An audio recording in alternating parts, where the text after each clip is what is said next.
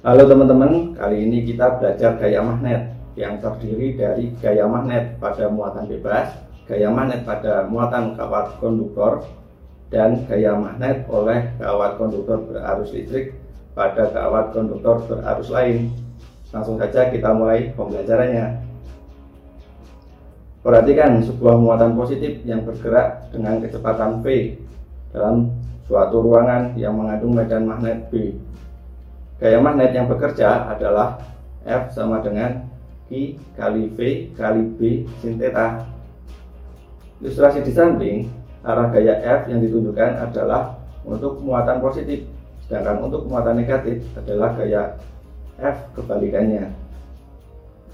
Besar gaya F yang bekerja pada muatan dalam kawat konduktor dapat ditentukan dengan persamaan F sama dengan I kali L kali B sin theta dengan B adalah induksi magnetik L adalah panjang penghantar dan I adalah arus listrik.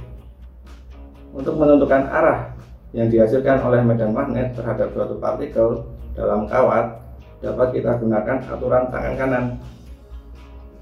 Arah telunjuk menunjukkan arah medan magnet B.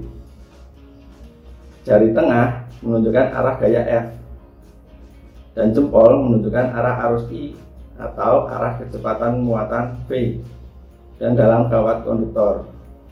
Saya ulangi arah telunjuk menunjukkan medan magnet B. Jari tengah menunjukkan arah gaya F. Dan arus I ditunjukkan oleh jempol. Atau di sini juga menunjukkan arah kecepatan muatan V. Dan dalam kawat konduktor.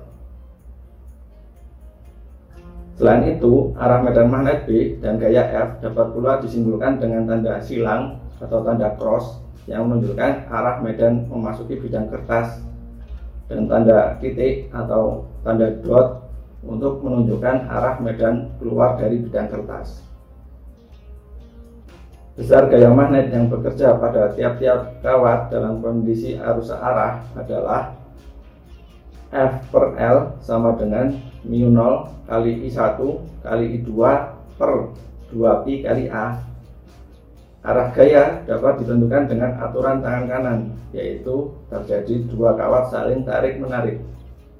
Sedangkan dalam kondisi arus saling berlawanan arah, dapat dijelaskan dengan cara yang sama seperti pada arus searah.